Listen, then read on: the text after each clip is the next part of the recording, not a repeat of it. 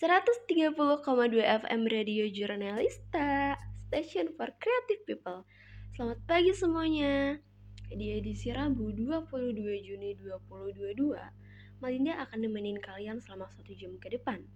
Buat teman-teman semua yang mau mengirimkan cerita Tambahan informasi atau request lagu Langsung aja yuk SMS ke nomor 082 578 358 238 dan buat menemani pagimu, Malinda akan bacain satu kiriman tentang pementasan teater bertajuk Kut Kut Bi. Langsung aja Malinda bacain ya. Check this out.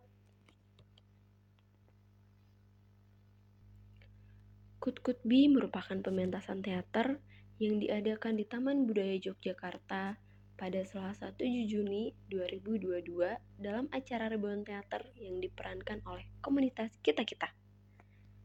Salah satu pemeran, Dinar, mengatakan latar pemilihan naskah ini didasarkan pada usia naskah yang sudah cukup tua dan ditulis oleh Insinyur Soekarno saat sedang dalam pengasingan.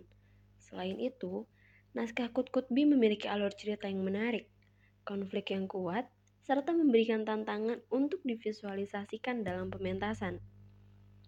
Kut Kutbi menceritakan tentang seorang wanita bernama Kut Kutbi yang dikutuk karena perbuatannya. Kutukan yang diterima Kut-Kutbi berupa mayatnya yang haram dimakan bumi sampai akhir zaman, sehingga masih awet. Bahkan, setelah 20 tahun kemudian, ditemukan oleh seorang dokter dan rekannya dalam peti. Pementasan ini mendapatkan saluran dana dari dana keistimewaan dan bertujuan untuk menghibur masyarakat baik secara langsung maupun melalui YouTube. Kut Kut Bi sudah mulai tayang di YouTube Taman Budaya Yogyakarta pada 15 Juni 2022.